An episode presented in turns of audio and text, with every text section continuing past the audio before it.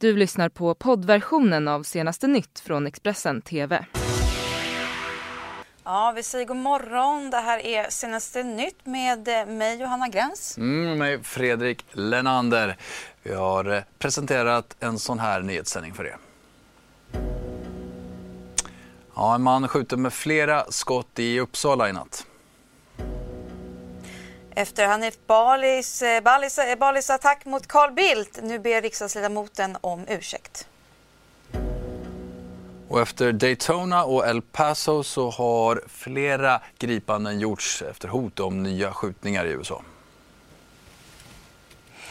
Men vi ska ta och börja i Uppsala för en man har under natten eh, där i Gottsunda eh, hittats skottskadad. Eh, mannen är i 25-årsåldern och ska ha blivit skjuten med flera skott eh, och har förts till sjukhus med ambulans. Mm, det var strax efter klockan 23 sent under natten här som polisen då fick in larm från en person som då hittat den här skottskadade mannen utomhus i Gottsunda. Men det är dock oklart var själva brottsplatsen är någonstans. Enligt uppgifter till Aftonbladet så ska det röra sig om två skott varav det ena ska ha träffat mannens hand och det andra i låret. Polisen har inlett en förundersökning om försök till mord men det finns i nuläget ingen gripen. Så ska vi till eh, politik för inför höstbudgeten. Nu har eh, regeringen och samarbetspartierna i och med januariavtalet redan lovat bort nästan 19 miljarder kronor. Och värnskatten avskaffas och det ska bli billigare att anställa nyanlända. Och enligt uppgifter till Dagens Nyheter är det inte aktuellt att öka eh, skatts, eh, eh, statsskulden och eh, förhandlingarna handlar nu om att hitta finansiering. Idag är det dags för regeringen att mötas i Harpsund för att traditionsenligt lyssna på finansminister Magdalena Anderssons redovisning av tillståndet i rikets finanser. Och analysen blir grunden för de budgetöverläggningar som regeringen har tillsammans med Centern och Liberalerna. Fokuset ligger på vilket utrymme det finns för nya reformer i statens finanser och i år är det ändå lite speciellt. När höstbudgeten kommer blir det första gången som hållfastheten i fyrpartiöverenskommelsen sätts på sin spets. Enligt Dagens Nyheter har Socialdemokraterna, Miljöpartiet, Liberalerna och Centerpartiet lovat bort 19 miljarder kronor i nya reformer under 2020. Å andra sidan säger Konjunkturinstitutet att det knappt finns något reformutrymme alls i höstbudgeten om regeringen ska leva upp till det finanspolitiska ramverket eftersom de redan har uppnått det så kallade överskottsmålet. Men i fyrpartiöverenskommelsens planerade budget finns det fem kostsamma punkter som de är överens om att genomföra. I överenskommelsen finns det bara en punkt som direkt ger intäkter i höstbudgeten. Skatt på förbränning av avfall som beräknas ge ungefär 600 miljoner. Magdalena Andersson har tidigare yttrat sin oro om att omvärlden kan få stora effekter på svensk ekonomi. Men hon vill inte inför mötet på Harpsund kommentera vad det kan få för inverkan på budgetförhandlingarna. Mer om det här kan du läsa på Expressen.se. Ja, vi fortsätter med eh, inrikespolitik där det under gårdagen då stormade rejält kring moderate riksdagsledamoten Hanif Bali och hans twittrande. Och nu har Moderaterna fått nog och valt att säga ifrån ordentligt när Bali då kritiserade den tidigare statsministern och partikamraten Carl Bildt. Men igår kväll så tvingades Hanif Bali krypa till korset och be om ursäkt. Jag har under mina år som politisk reporter inte varit med om att en riksdagsledamot på det här sättet attackerar en tidigare mm. partiledare, statsminister. Efter en Twitter-attack mot partikollegan Carl Bildt petades den moderata riksdagsledamoten Hanif Bali från sina uppdrag som suppleant i riksdagens EU-nämnd och arbetsmarknadsutskott. Det framkom efter en telefonkonferens som Moderaternas riksdagsgrupp snabbt styrde ihop under onsdagen. Uppgifterna bekräftas av riksdagsledamoten Tobias Billström som säger att det beror på Balis upprepade övertramp i debatten och nu senast ett personligt angrepp på Carl Bildt. Hanif Bali har tidigare kritiserats och ifrågasatts av sitt parti gällande just hans twittrande. I den senaste tweeten attackerade Bali sin partikamrat tillika tidigare stats och utrikesminister Carl Bildt för hans relation med Iran. Tweeten kom efter att nuvarande utrikesminister Margot Wallström fick besök av Irans utrikesminister Javad Zarif som även Carl Bildt passade på att träffa. Hanif Bali skrev att citat Sverige fullföljer Bildt-doktrinen i täten för att normalisera relationen med regimen. Passande att doktrinen är döpt efter en man som inte lyckats ha rätt om ett enda utrikespolitiskt skeende någonsin." Slutcitat. Han skrev även att Bildt är en oönskad person i Balkan. Att partiet agerar mot Hanif Bali är inte helt nytt, säger statsvetaren Jenny Madestam. Efter eh, valet så blev han eh, suppleant i eh, de olika riksdagsutskotten som han eh, sitter i. Det vill säga han har inte en ordinarie plats och det är också ett tecken på att han har så att säga fått stiga ner i graderna i partiet och han sitter inte heller längre i partistyrelsen. Det var ju också någonting som man eh, tog ifrån honom eh, efter det hade varit en, en tidigare skandal. Källor till Expressen berättar att Moderaternas partiledare Ulf Kristersson har haft kontakt med Carl Bildt som ska ha varit tydlig med att Kristersson ska agera och att moderatledaren har varit extremt frustrerad. På onsdagskvällen skrev Hanif Bali på Facebook att han ber om ursäkt till Carl Bildt. Han skrev också citat. Det har riktats hård kritik mot mig från partikamrater och mitt uppsåt har ifrågasatts och det sårar mig självklart djupt. Slutcitat.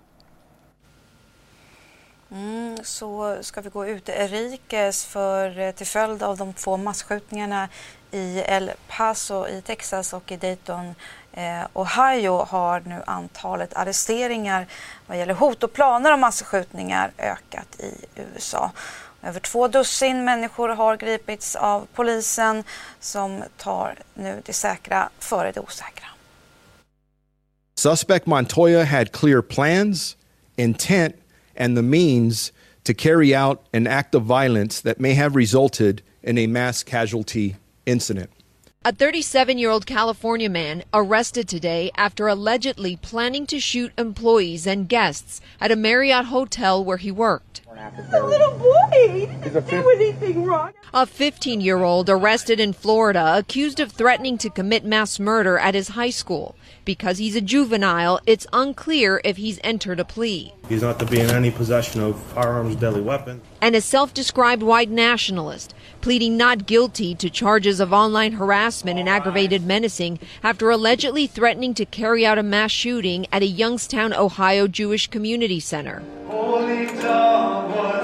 In the days and weeks following the two latest deadly mass shootings in El Paso, Texas and Dayton, Ohio, more than two dozen arrests have been made across the U.S. as plots to commit mass murder have been foiled. Clearly, this is a person that fits the profile of what an active shooter is.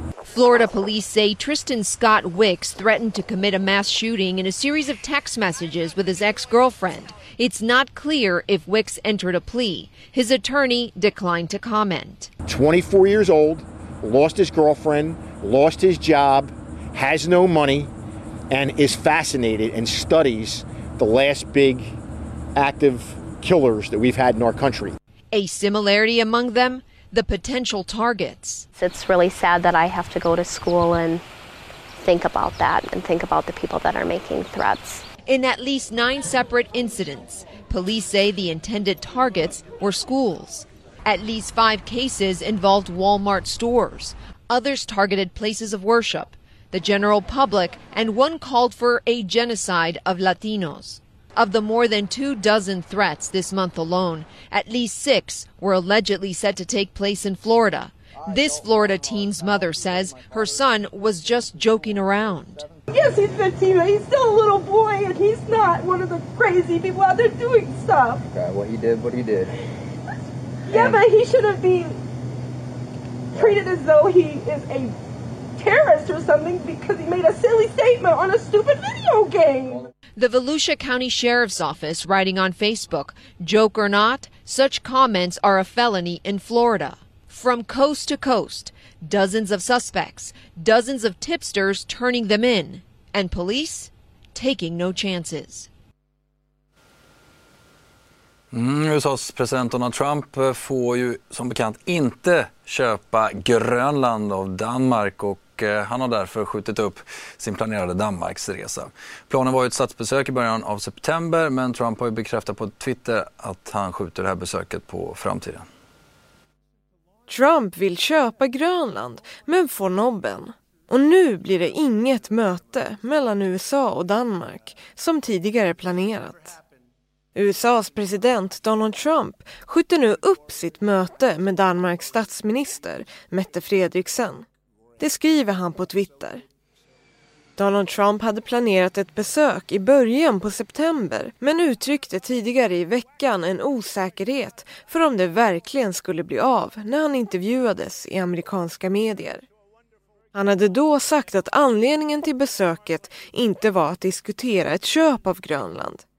So the concept came up and I said certainly I'd be strategically it's interesting and we'd be interested but we'll talk to them a little bit. It's not number one on the burner I can tell you that. Men ändå ställs hela Danmarksresan in av just den anledningen. Mette Fredriksen har varit tvåordig i frågan men direkt avvisat ett möjligt köp och sagt att det är en absurd diskussion och att det istället finns mycket annat viktigt som de gärna talar om med den amerikanska presidenten. Ja, Trump eh, har ju då svarat att eh, han menar att Danmarks svar på att han inte får köpa Grönland är elakt och det var inte ett trevligt sätt att avfärda det här erbjudandet på. Mm. Ja, vidare med nyheter om amerikansk politik. Ja men så är det verkligen. För guvernören Jay Inslee, han hoppar nu av sin valkampanj för att bli Demokraternas presidentkandidat till USA-valet 2020. Den 68-årige eh, Washington-guvernören utlovade ju ett eh, fossilfritt USA under tiden som president och lyckades ta sig till den första omgången av de demokratiska debatterna som hålls nu här inför eh, premiärvalen senare i vår. Men nu menar jag, alltså Jay Inslee att det har blivit tydligt att han inte kommer att kunna vinna och därför hoppar han alltså av presidentvalskampanjen. Mm, nu tar vi oss till Sverige och ett uppmärksammat eh, kriminalfall. Det handlar om eh, den eh, misstänkte mördade Gert Inge eh, Bertinsson. Mm. Han försvann från Markaryd i slutet på juli och det här försvinnandet förbryllade ju inledningsvis polisen. De hade svårt att få genombrott i utredningen. Men under veckan här har man gått ut med en efterlysning av två ukrainska män och det har ju gett resultat. En av männen greps nämligen i Tyskland i tisdags och vår utrikeskorrespondent Magnus Falkehed tog sig till polisstationen under gårdagen. Det här är polishuset i Königs Wusterhausen, inte långt ifrån den motorväg som leder ner mot Dresden och vidare mot den tjeckiska gränsen. När vi ställde frågan ifall det fanns två ukrainska medborgare här inne som eh, skulle ha arresterats tidigare under dagen så fick vi svaret att det bara var en naturligtvis som var här men att den mannen nu var bortförd till häkte någon annanstans i Tyskland här i regionen av Berlin. Uh, vidare så hänvisar de till andra talesmän än, uh, än de, som de, har, de befäl som finns här bakom mig. Ja, mer att läsa om det här fallet finns naturligtvis på Expressen.se. Mm, där kan ni också såklart gå, gå in om ni eh, vill ha mer eh, nyheter. Du har lyssnat på poddversionen av senaste nytt från Expressen TV. Till förordnad ansvarig utgivare är Klas Granström. Ett poddtips från Podplay. I fallen jag aldrig glömmer djupdyker Hasse Aro i arbetet bakom några av Sveriges mest uppseendeväckande brottsutredningar. Går vi in med hemlig telefonavlyssning och, och då upplever vi att vi får en total förändring av hans beteende. Vad är det som händer nu? Vem är det som läcker? Och så säger han att jag är kriminell, jag har varit kriminell i hela mitt liv men att mörda ett barn, där går min gräns. Nya säsongen av Fallen jag aldrig glömmer på Podplay.